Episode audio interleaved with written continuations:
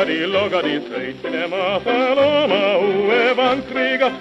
üles pidime, küll alas pidime, nii et tolmupilv käis üle pää. küll üles pidime, küll alas pidime, nii et tolmupilv käis üle pää.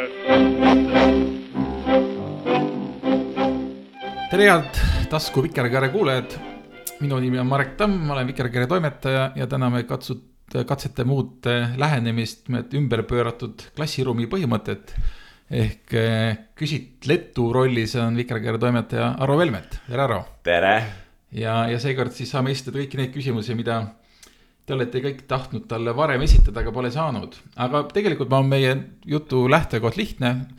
ilmus hiljuti uus Vikerkaar, teemanumber. no oktoobri-novembrikuuga dateeritud, mis eh, vaatab sisse Nõukogude Liidu, Venemaa, Euraasia uuringutesse ja just eh, kolonialismi ja dekoloniseerimise vaatenurgast. aga see number ei sündinud tühjale kohale, vaid sealt on suur osa materjali pärineb eh, läinud suvel Tallinnas ja, ja, ja, ja Käsmu lähistel toimunud seminari ja suvekooli ettekannetest, et Aro osalesid samuti eh, sellel seminaril ja suvekoolis, äkki sa kõigepealt räägid, et millega oli tegemist, kes sa rääkisid ja, ja ma ei tea, mis olid põhiteemad või põhiintriigid? jah äh,, veetsime pikalt aega Kurtna eksperimentaallinnu farmis ja eksperimentaallindude asemel olid siis Nõukogude ajaloolased äh,. ma arvan, et see küsimus kolonialismist on küsimus, mida on viimase aasta jooksul või kahe aasta jooksul nüüd juba varsti äh, kõige rohkem esitatud sellistel äh, Venemaa ja Nõukogude regiooni ajalugu käsitletud konverentsidel. Äh, ja selle põhjus on täiesti ilmselge, milleks on Venemaa selgelt koloniaalne sõda Ukraina vastu. Ja äh, suuresti on see küsimus esitatud sellises äh, hämmelduse vormis, et äh, et kuidas me seda ette ei näinud või kuidas me ei osanud seda kuidagi mõtestada ja mhm. mõista, et need tööriistad, millega on viimase paarikümne aasta jooksul, ütleme, Lääne Akadeemias, aga tegelikult siin ka meie pool Nõukogude ajalugu mõtestatud Äh, ja siis ka nõukogude järgse siis postsovjetliku Venemaa ja, ja siinse piirkonna ajalugu. et need tööriistad kuidagi ei tundunud enam toimivat selleks, et seda praegust olukorda mõista, et, et palju oli räägitud äh, Nõukogude Liidust kui, äh, kui totalitaarsest režiimist, aga ka sellest Nõukogude eksperimendist, katsest ehitada mingisugust alternatiivset ühiskonnakorraldust kapitalismile. Äh, aga mida siis hakata peale selle, selle koloniaalse, selle vallutusliku dimensiooniga, vot äh,. vot sellele nagu ei tundunud häid äh, vastuseid olevat, nii et, et, et sellest põhiliselt äh, seal, seal konverentsil räägiti ja siis noh, muidugi puudutati seal kõiki neid äh, teemasid, mis ma arvan, on ka meil siin viimase paari aasta jooksul äh, üleval käinud nagu äh, küsimus Venemaast äh,, mida hakata peale Venemaa intellektuaalse produktsiooniga laiemalt, kas nüüd peaks mõtlema ümber äh, vene kultuuri, kas peaks panema rohkem tähele seda, et äh, nii Dostojevski kui ka, kui ta Tolstoi olid ikkagi omal moel äh, sellised suurvene šovinistid äh,. ja mida hakata peale selle Vene imperialismi materiaalse pärandiga, millest üks osa on ka äh, Nõukogude Liidu materiaalne pärand, eks ju, seesama linnahall, mis äh, Põhja-Tallinnas laguneb mm. Võib-olla jah, peaksime siin eraldi tänama veel Kristo Nurmis, kes selle suvekooli ja, ja seminari käima lükkas ja need inimesed siia kohale tõi ja. absoluutselt, see oli ikka tohutu töö. täpselt ja, ja see kandis ka pealkirja Euraasia lahti harutamine. aga, aga nii see arutelu suvel kui ka tegelikult see teemanumber suuresti keerlevad ümber sihukese uue võlusõna dekoloniseerimine. Ja, ja nagu sa ka oma sissejuhatavas artiklis näitad, on tegemist õigupoolest vana sõnaga. on juba esimest korda mainitud tuhat kaheksasada kolmkümmend kuus, aga vähemalt sellises akadeemilises kontekstis on ta just nagu viimase paari-kolme aasta jooksul teinud sellise tõelise tähelennu. ja, ja on ju huvitav mainida, et neil päevil koguneb äh, Philadelphiasse suur osa ütleme siis inglise keelt kõnelevast äh, Euraasia, Ida-Euroopa, Vene uuringute esindajatest ja, ja et just nimelt debateerida seal rohkem kui nädal teemal dekoloniseerimine ja, ja võimalik. sina ka lähed sinna varem? kuule, mina ei lähe, aga mul päris mitu minu kolleegi Tallinna Ülikoolis näiteks läheb ja, ja, ja, ja ma iseenesest jah, päris selliseks. Ida-Euroopa või, või slaavi uuringute esindajaks ei pea, aga debatt on huvitav, ma eeldan ja, ja mingis mõttes võiks öelda, et see Tallinna kohtumine oli nagu selline soojendus Philadelphia kohtumiseks aga ühesõnaga, ma arvan, et on ka kuulajasõbralik, kui me natukene mingeid mõisteid siin määratleme, et, et kolonialism on juba kõna, kõla, kõlanud, dekoloniseerimine veel ja tegelikult siia kampa võib ju võtta ka nagu postkolonialismi, et. ma ei tea, kui sa teed otsa lahti, et natukene seda mõistelist selgust luua, et mis on dekoloniseerimine ja, ja kuidas ta suhestub näiteks koloniseerimise ja, ja, ja ka postkolonialismiga jah, eks need kõik ole sellised äh, huvitavad mõisted, sest et nad on äh, ühtaegu äh, poliitilised mõisted Äh, nad ka kannavad mingisugust poliitilist laetust. et kui me ütleme, et äh, mingi režiim on kolonialistlik, siis see on ikkagi nagu äh, väärtushinnang, mille me anname ja ütleme, et äh, kui üheksateistkümnendal sajandil see hinnang võis olla pigem nagu positiivne, siis tänapäeval on see kahtlemata nagu äh, noh, umbes nagu kellegi suureks idioodiks nimetamine, et, et keegi seda nagu meelitusena ei võta ja dekolonisatsiooniga on, on samamoodi, et, et see tähistab ühelt poolt äh, Äh, ühte tervet äh, lähenemiste viisi, äh, ühte uurimisviisi, ühte sellist nagu metodoloogilist orientatsiooni.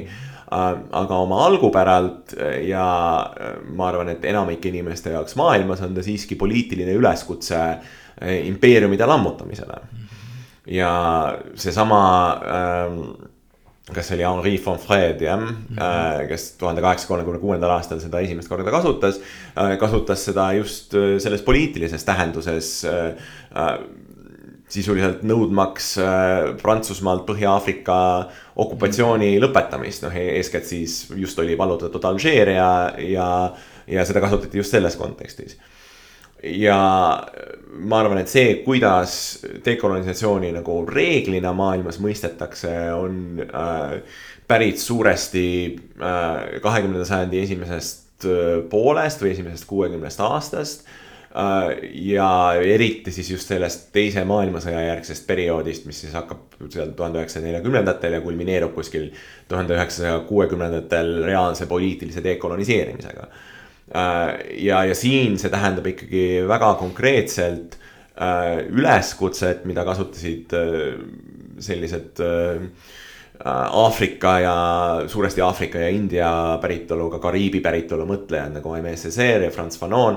Ähm, ja kes tahtsid sellega tuua kokku tervet hulka erinevaid võitlusi mida peeti Põhja-Aafrikas, Lääne-Aafrikas, Kariibidel ja Indias. ja juhtida tähelepanu sellele, et, et olgugi, et need võivad pealtnäha tunduda erinevate võitlustena. et noh, mis on nagu Mahatma Gandhil ühist äh, Leopold Senghoriga Senegalis. et neid ühendab see, et nad on kõik võitlused Euroopa rassilise domineerimise vastu äh, ja, ja siin on võib-olla nagu oluline just juhtida tähelepanu sellele, et reeglina seda dekolonisatsiooni on mõtestatud vähemalt kahel erineval tasandil, et üks on see poliitiline dekoloniseerimine, võitlus Euroopa rassilise domineerimise äh, vastu Aafrikas, Indias ja kõikjal mujal. aga teisalt see tähendab ka intellektuaalset liikumist, äh, mis on võitlus selle mõtteviisi vastu Äh, mis ütleb, et eurooplastel on mingisugused äh, omadused mida võib, noh näiteks prantslased, prantslased rääkisid oma tsiviliseerivast missionist, mis väljendus selles, et neil oli tehnoloogiline kõrgelt arenenud ühiskond ja Prantsuse revolutsiooni universaalsed väärtused ja et see õigustas Äh, intellektuaalselt nende koloniseerivat protsessi mujal maailmas. see dekolonisatsioon tähendab ka võitlust selle, selle mõtteviisi vastu ja küsimist, et kuidas meie teadmised ja meie nagu ähm, vaikimisi omandatud mõttemallid võivad taastoota seda äh, rõhuvat mõtteviisi.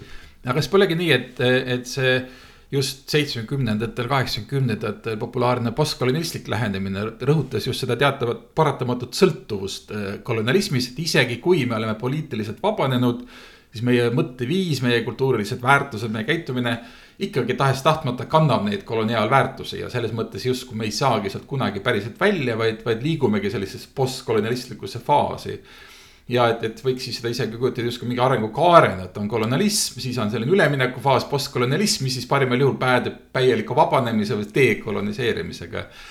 aga see on ilmselt üks selline just nimelt pigem siis selline ajalooline mõtteliin, aga mulle endale tundub, et. et põnev on ka vaadata, kuidas need ideed, kuidas kolonialismi pärandit mõtestada noh, võtavad eri kuju eri regioonides. et postkolonialism ikkagi sündis eeskätt just nagu Lõuna-Aasia kogemusest ja just nagu Indiast, eks ole, et suured postkolonialistlikud Äh, teoreetikud kippusid olema India taustaga ja, ja mingis mõttes tahes-tahtmata ikka kandsid edasi seda India kogemust, mis oli üks spetsiifiline äh, kolonialismi kogemus. aga dekoloniseerimise nagu teoreetilised mudelid, lähenemised pigem võrsusid äh, kas näiteks Aafrika kogemusest või ka, või ka hoopis Ladina-Ameerika kogemusest. ja, ja, ja, ja see ongi huvitav, et kuidas jah, see ajaline kogemus kannab ka mingit teoreetilist nagu sõnumit ja, ja, ja kui me nägime siis selle postkolonialismi kõrgfaasi läinud sajandil, siis nüüd me oleme hoopis, on jõudnud nagu need nii-öelda dekolonialistid akadeemilistes diskussioonides nagu esiplaanile, et kas sihuke tõlgendus tundub selle vettpidav?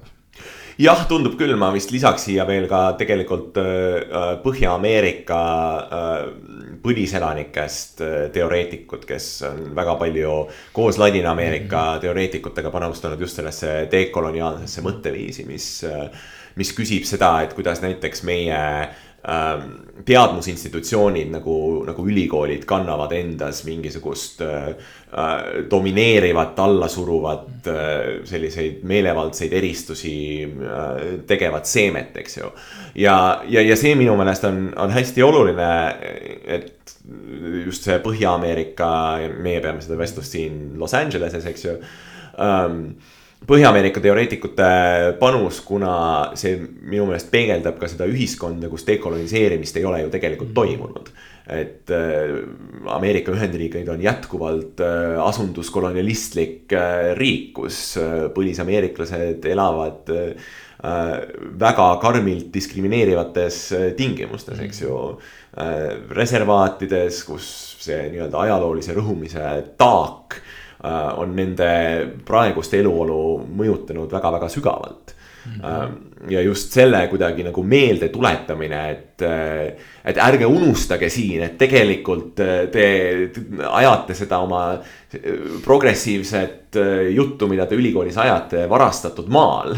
et see meeldetuletus minu meelest on hästi selline põhja-ameerikalik ja näiteks mõnikord ütleme ka seal konverentsil, kui Äh, kui mõni, kui üks Kanada äh, doktorant küsis, et mida te siin Eestis olete dekoloniseerimiseks ära teinud, siis äh, see küsimus tundus mulle kuidagi nagu naljakana, et noh, et, et sellele ei saa nii lihtsasti vastata, kui sellele saab vastata Põhja-Ameerikas.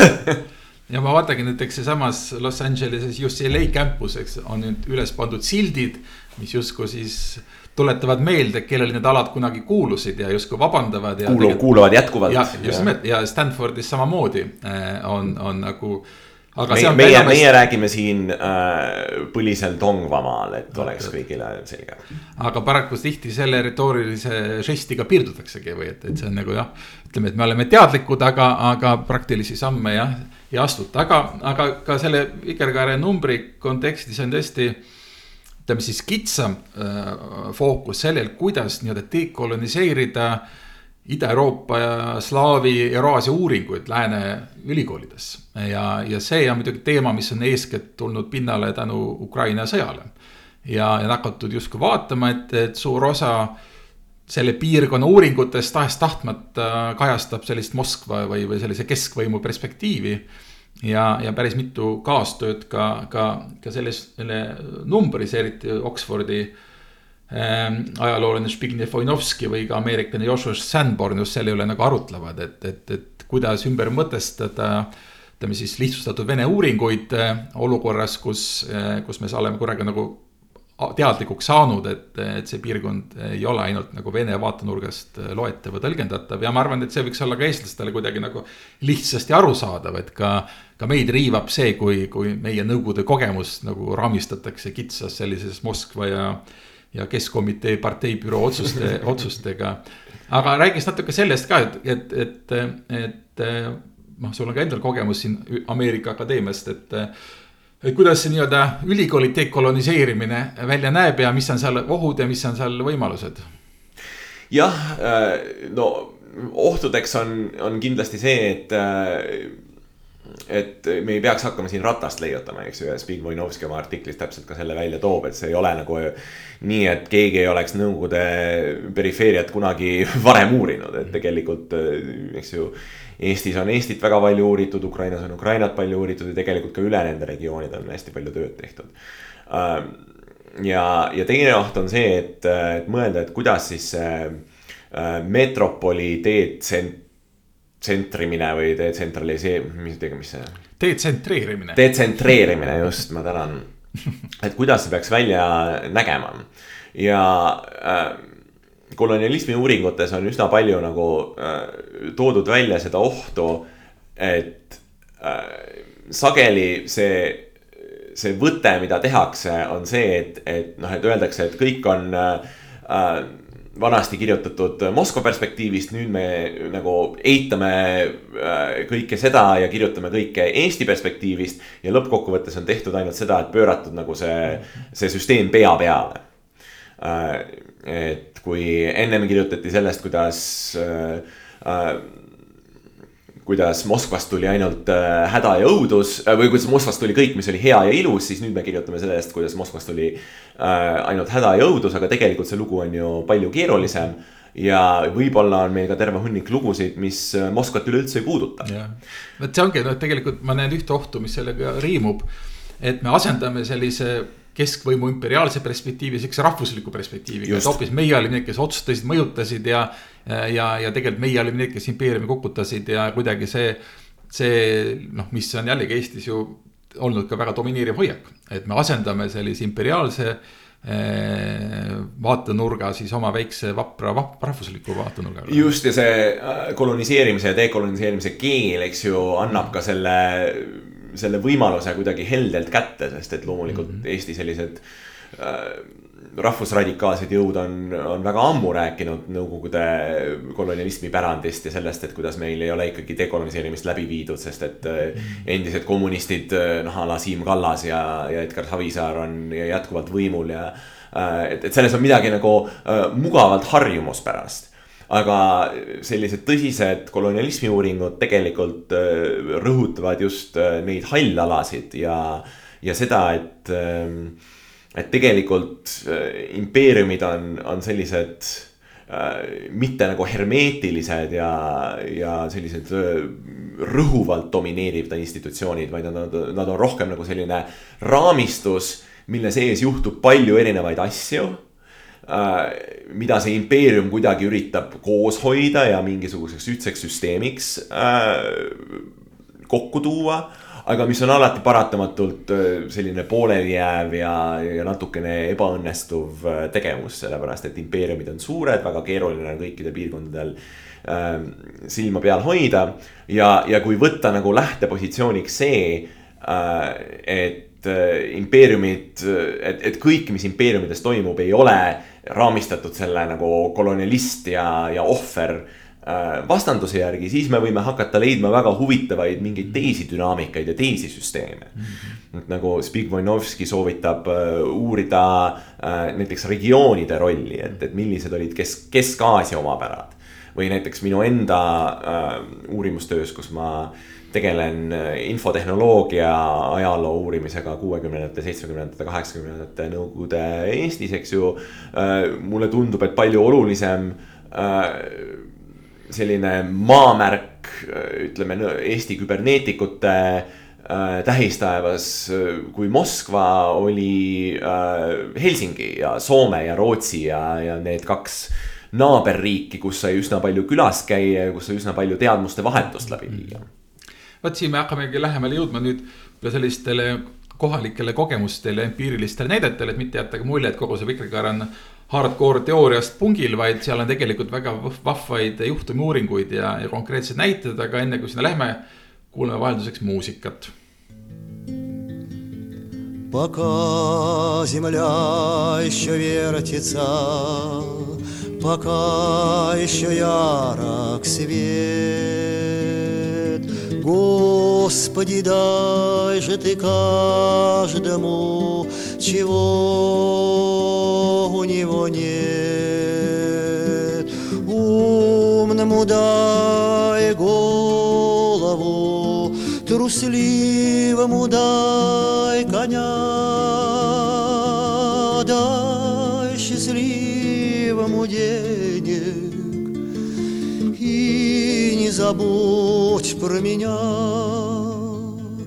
пока земля еще вертится, Господи, Твоя власть Дай рвущемуся к власти Навластвоваться в сласть Дай передышку щедрому Хоть до исхода дня. Каину дай раскаяние И не забудь про меня. Я знаю, ты все умеешь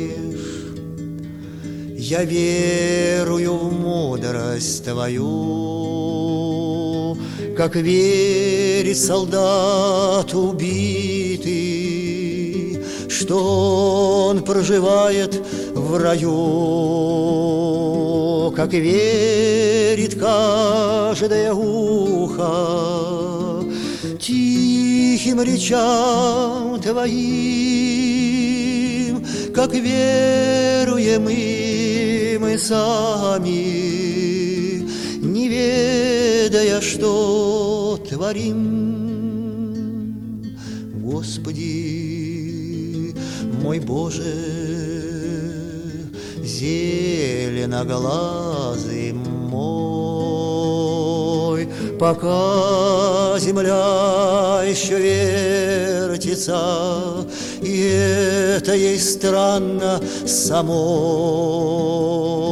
пока еще хватает времени огня, даже ты все понемногу и не забудь про меня.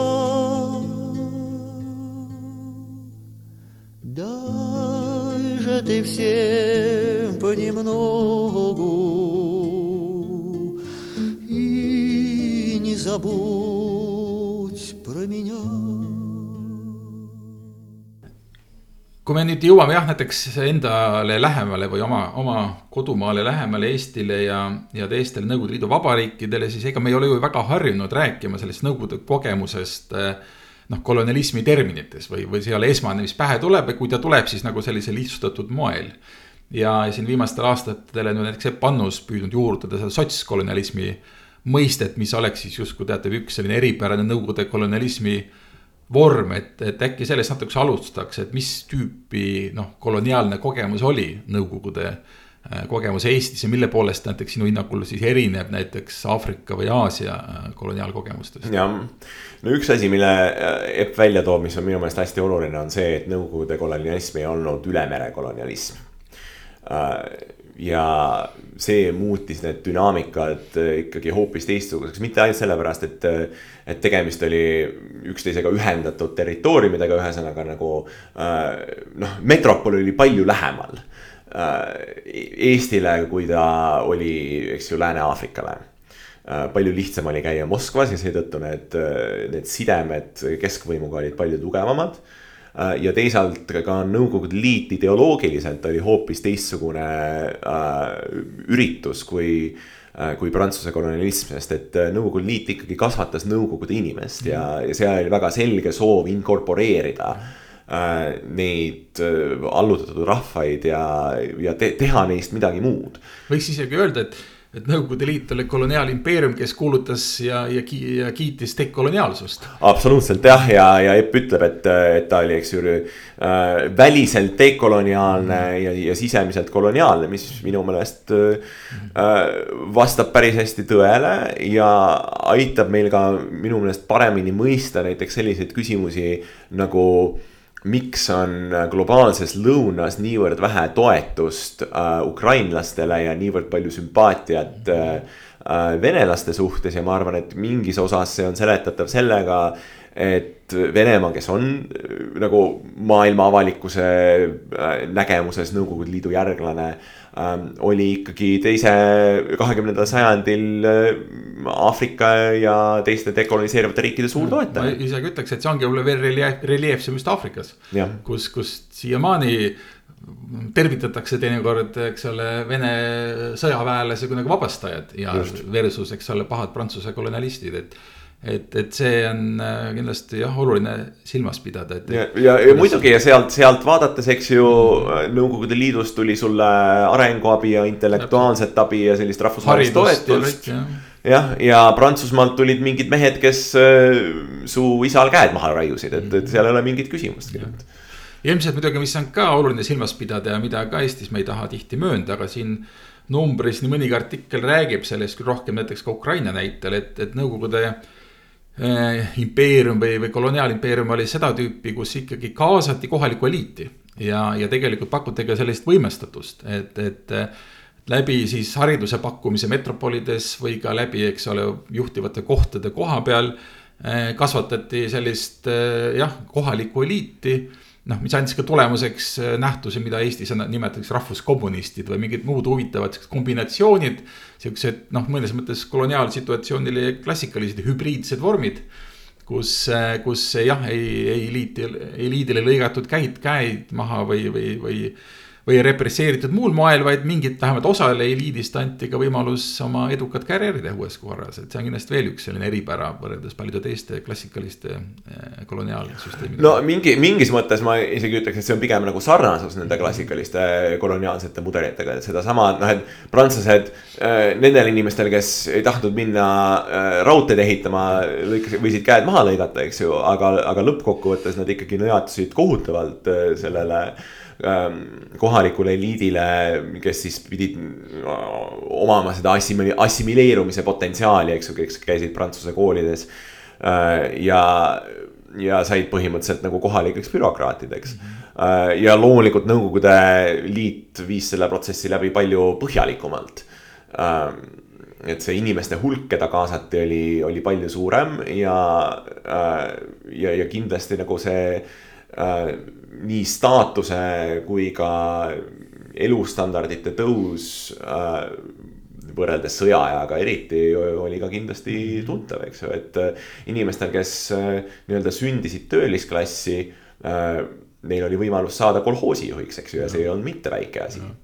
ja üldse mul lugedes äh, seda numbrit tekkis mingi selline seos veel sellisest kolonialismi paradoksist, et ju nõukogude ajal saadeti Eestisse mitmeid inimesi, kelle noh, varjatud missioon oli justkui noh, nii-öelda sovetiseerida või, või russifitseerida kohalikke, näiteks saadeti ise väga palju vene kirjanduse ja, ja, ja vene keele eksperti ja nii sattus Tartusse ülikooli, Tartu Ülikooli terve plejaad silmapaistev vene filolooge eesotsas Juri Lotmaniga.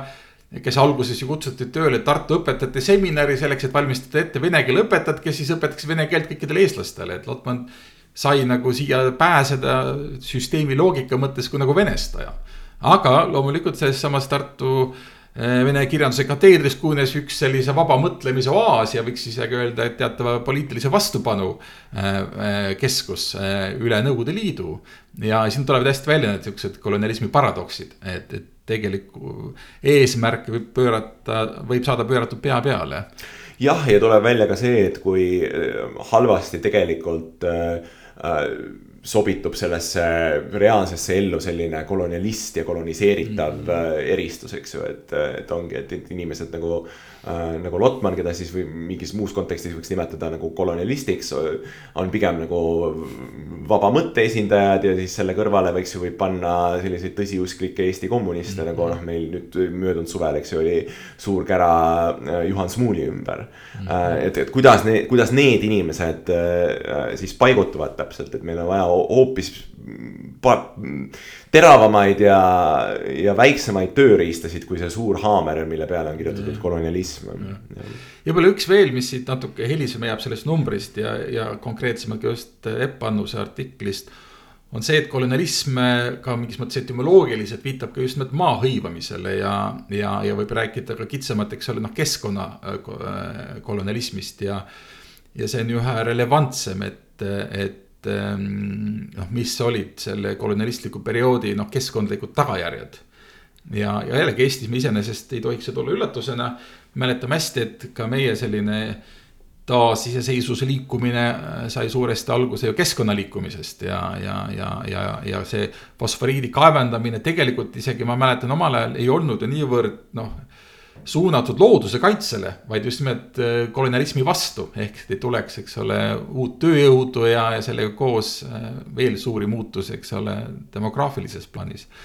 aga, aga jah, ühesõnaga, et, äh, et mulle tundub see oluline mõõde kogu selle kolonialismi juures, et, et mis haakub, eks ole, tänapäeva üldise suurema orienteeritusega keskkonnaküsimustele, aga, aga äkki võiks seda ka veel lahti rääkida, seda just nimelt äh, kolonialismi tema kõige algsemas tähenduses, et, et ja, ja kuidas, kuidas aitab selline keskkonnakolonialism meil ka Eesti ajalugu paremini mõista? Äh, jah, see on, see on hästi hea point um, ja, ja Epp toob oma artiklis väga hästi, väga häid näiteid erinevatest äh, tekstidest, mis just siis mõtestavad seda äh, nõukogude perioodi kogemust läbi selle maa küsimuse.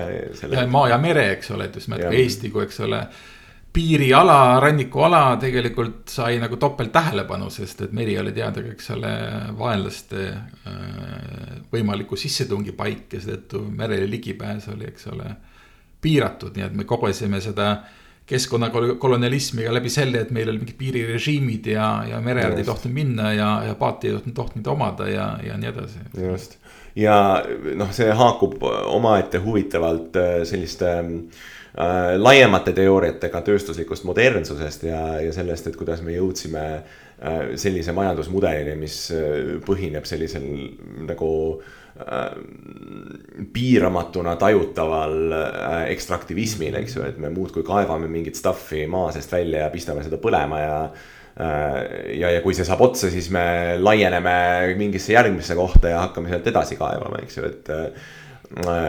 et viimase kuskil kümmekonna aasta jooksul on olnud päris palju huvitavaid ähm, uurimusi, mis võrdlevad siis just nimelt Nõukogude Liitu ja, ja Ameerika Ühendriike äh,.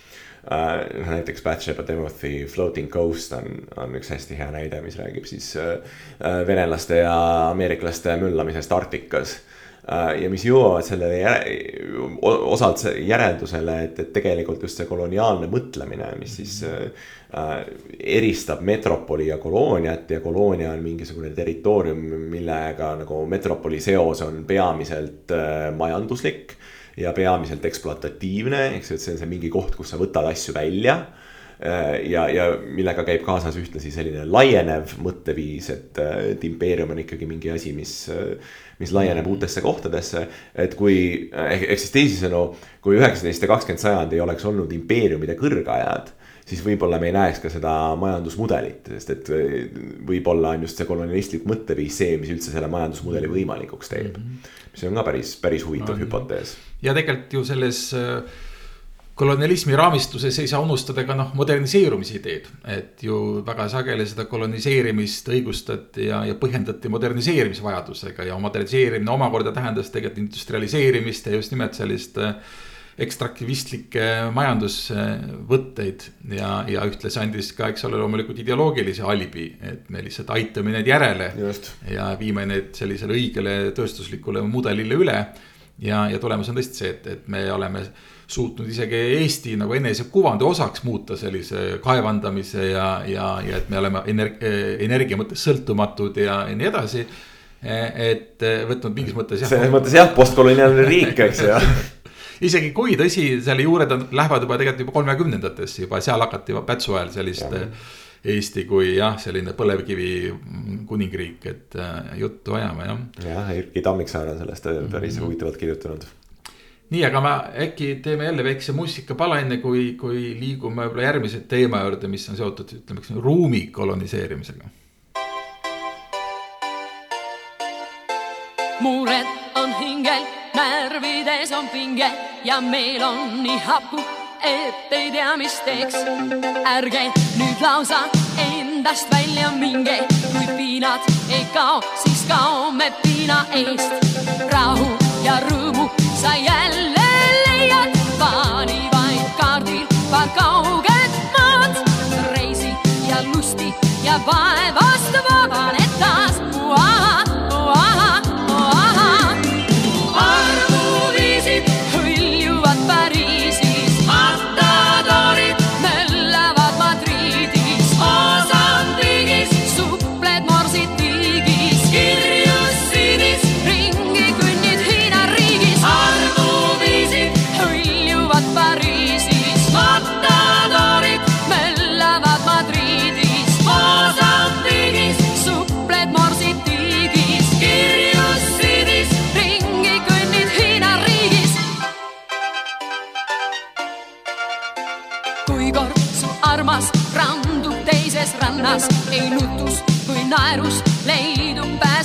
pääseteed. ainus, mis ravib ja hingerahu annab, käi ringi ja leia palju kaunist veel.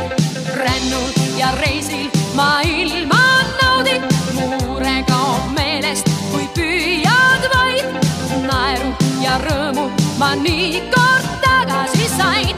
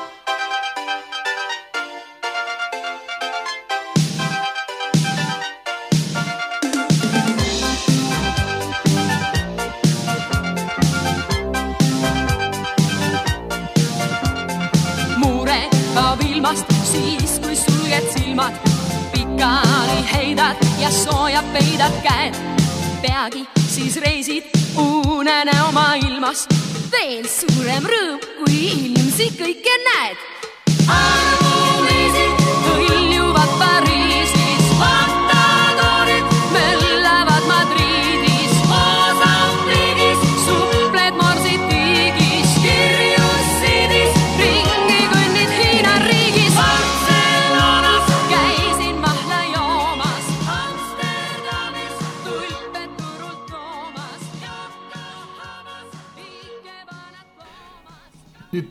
koloniaalvõim kehtestab ennast mitmel moel, eks ole, keskkonnas ja, ja poliitikas ja mõtlemises, aga kehtestab ennast ka avalikus ruumis. ja, ja võib-olla üks sellised kolonialismi keerulisi pärandeid tänapäeval on kõikvõimalikud monumendid, mida me näeme nii, eks ole, läänemaailmas erinevate koloniaalmonumentidena, aga näeme ka, eks ole, Nõukogude ruumis erinevate Nõukogude sõja ja muude monumentidena ja, ja viimased aastad on, võiks öelda, taas iseloomustanud eh, nii, nii ida kui läänepoolseid ühiskondi küsimus, eh, mida teha monumentidega. ja, ja monumendid tekitavad konflikte ja loomulikult meie piirkonnas tihti see viib tagasi jällegi Venemaa invasioonini Ukrainasse, aga, aga nagu me näeme tõesti need, neid, neid eh, monumenditülisid näeb mitmel pool, aga äkki võiks tõesti sissejuhatuseks natukene kaardistada olukorda ja tuua ka välja siuksed põhimõttelisemad erinevused, mille poolest näiteks monumendikonfliktid läänemaailmas, Ameerikas, Inglismaal, Belgias ja mujal erinevad monumendikonfliktidest näiteks Ukrainas, Lätis või Eestis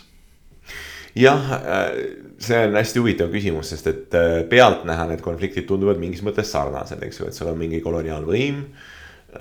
sellest on jäänud järele mingisugused kujud ja nüüd, eks ju, viimase ütleme viie aasta jooksul on nii läänes kui ka idas neid kujusid suure hurraaga maha võetud ja merre visatud või kuskile muuseumisse viidud Ähm, aga samas, kui vaadata, kuidas see on äh, läbi viidud, siis see on noh, kontekstuaalselt väga-väga erinev.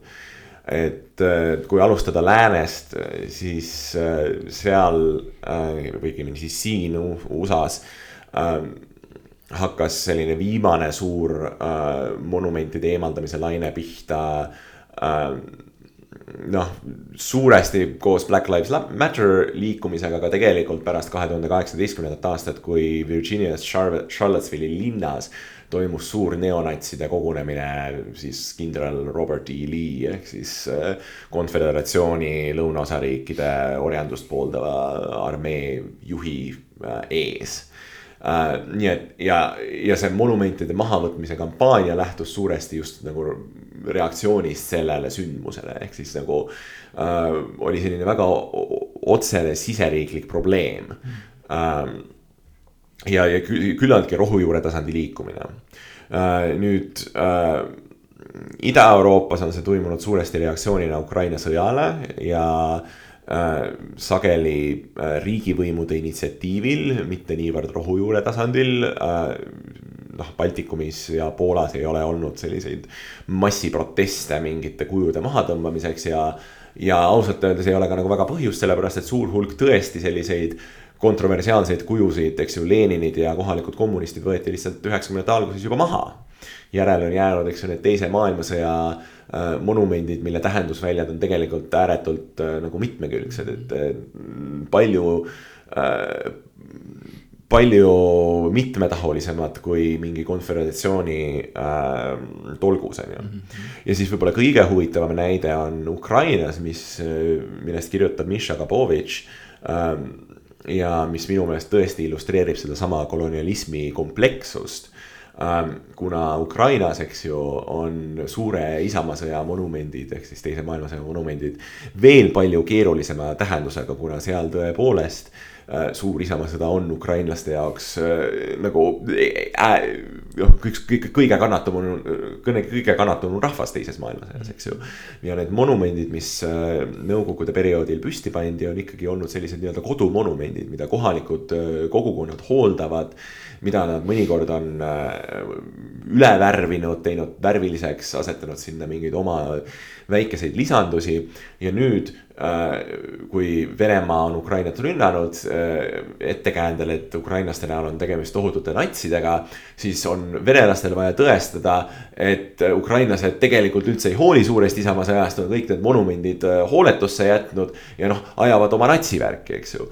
nii et Miša oma artiklis kirjuta-, kirjeldab väga põnevalt, kuidas äh, siis venelased on teinud sellise suure propagandakampaania, kus nad põhimõtteliselt võtavad need ukrainlaste kujud.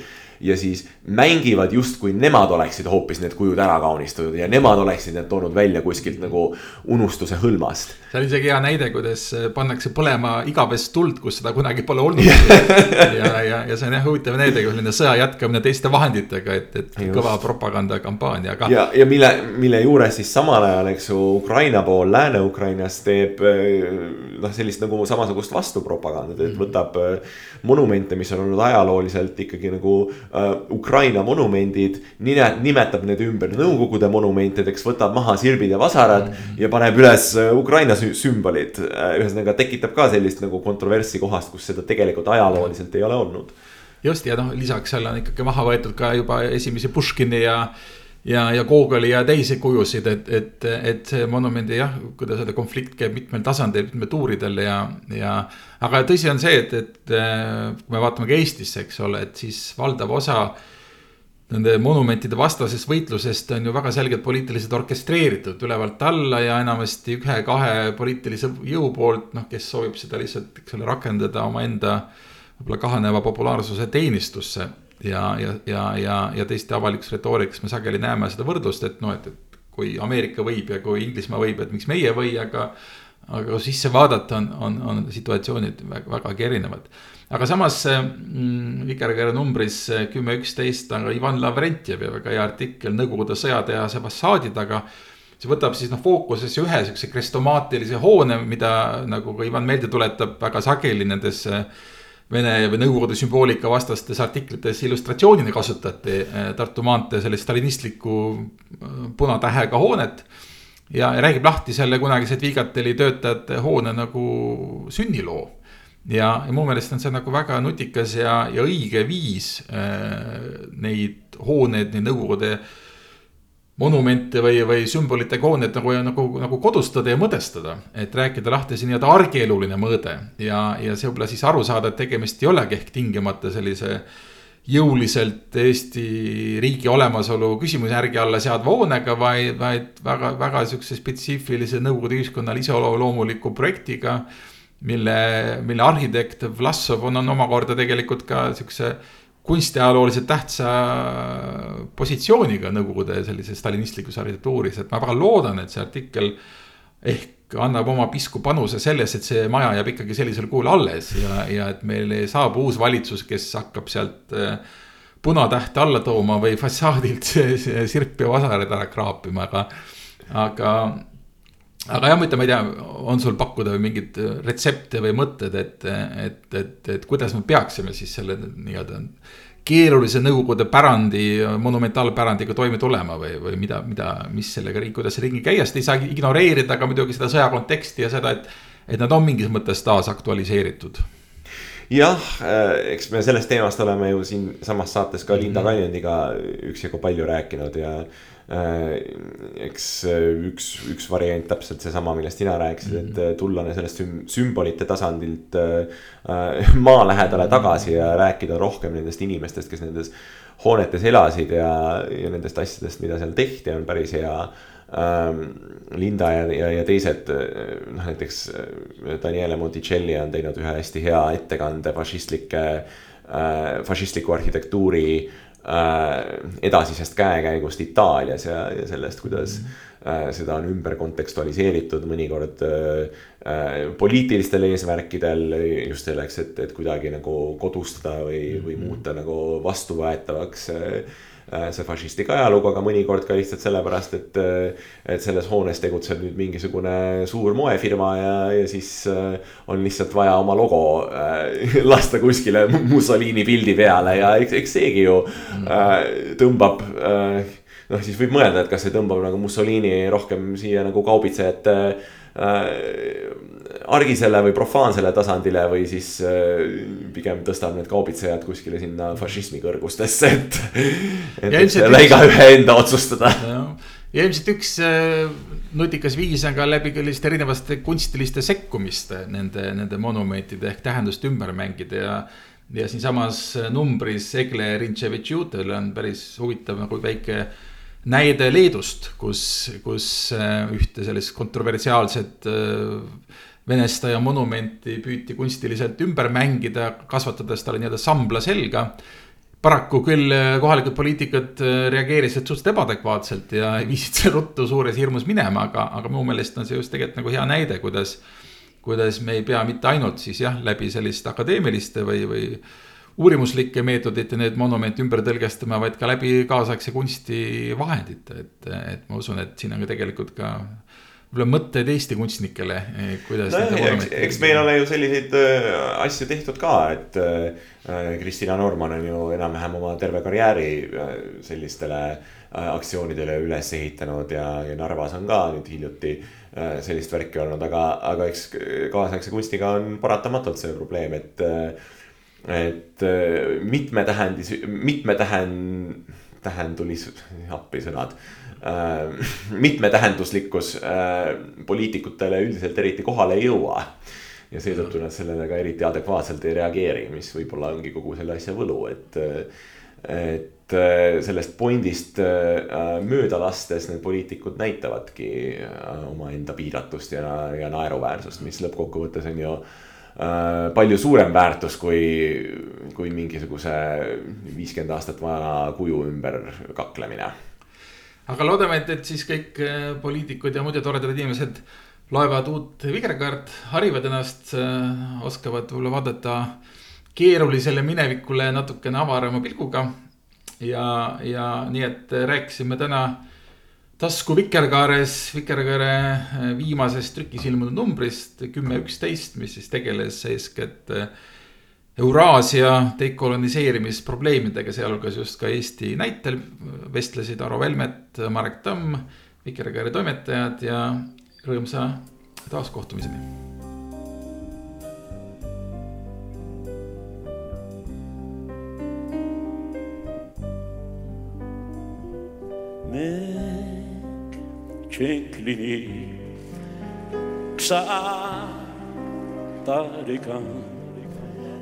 մեր կյանքում երգանկություն որ խշում էր առանց աղիտ անհատնում գած սիրո բարի որով լծված էր իմ մոքին ու ես հիշում եմ մեր մանկության անհատում գանձը բարության համբույր սանգին որ երբեք չի կրկնվի անցած գարուս երասներիս անցակ սակայն իմն է գտնվի մեր շենք լինի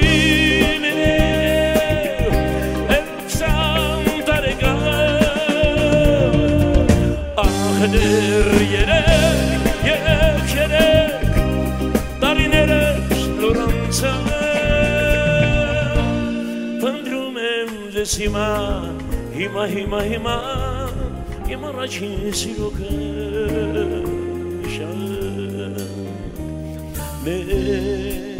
Męczennik, Elm Sound,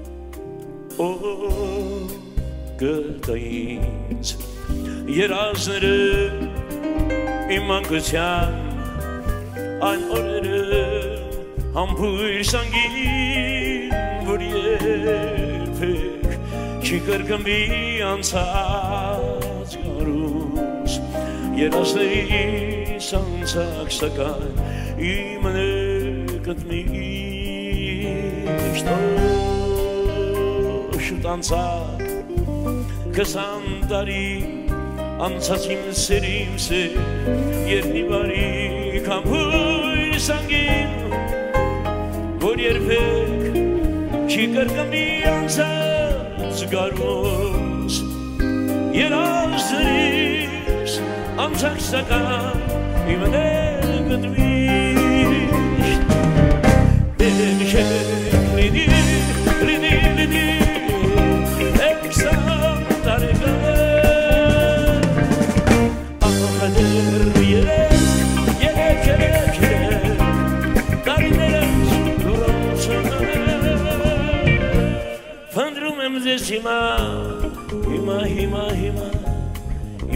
ছিল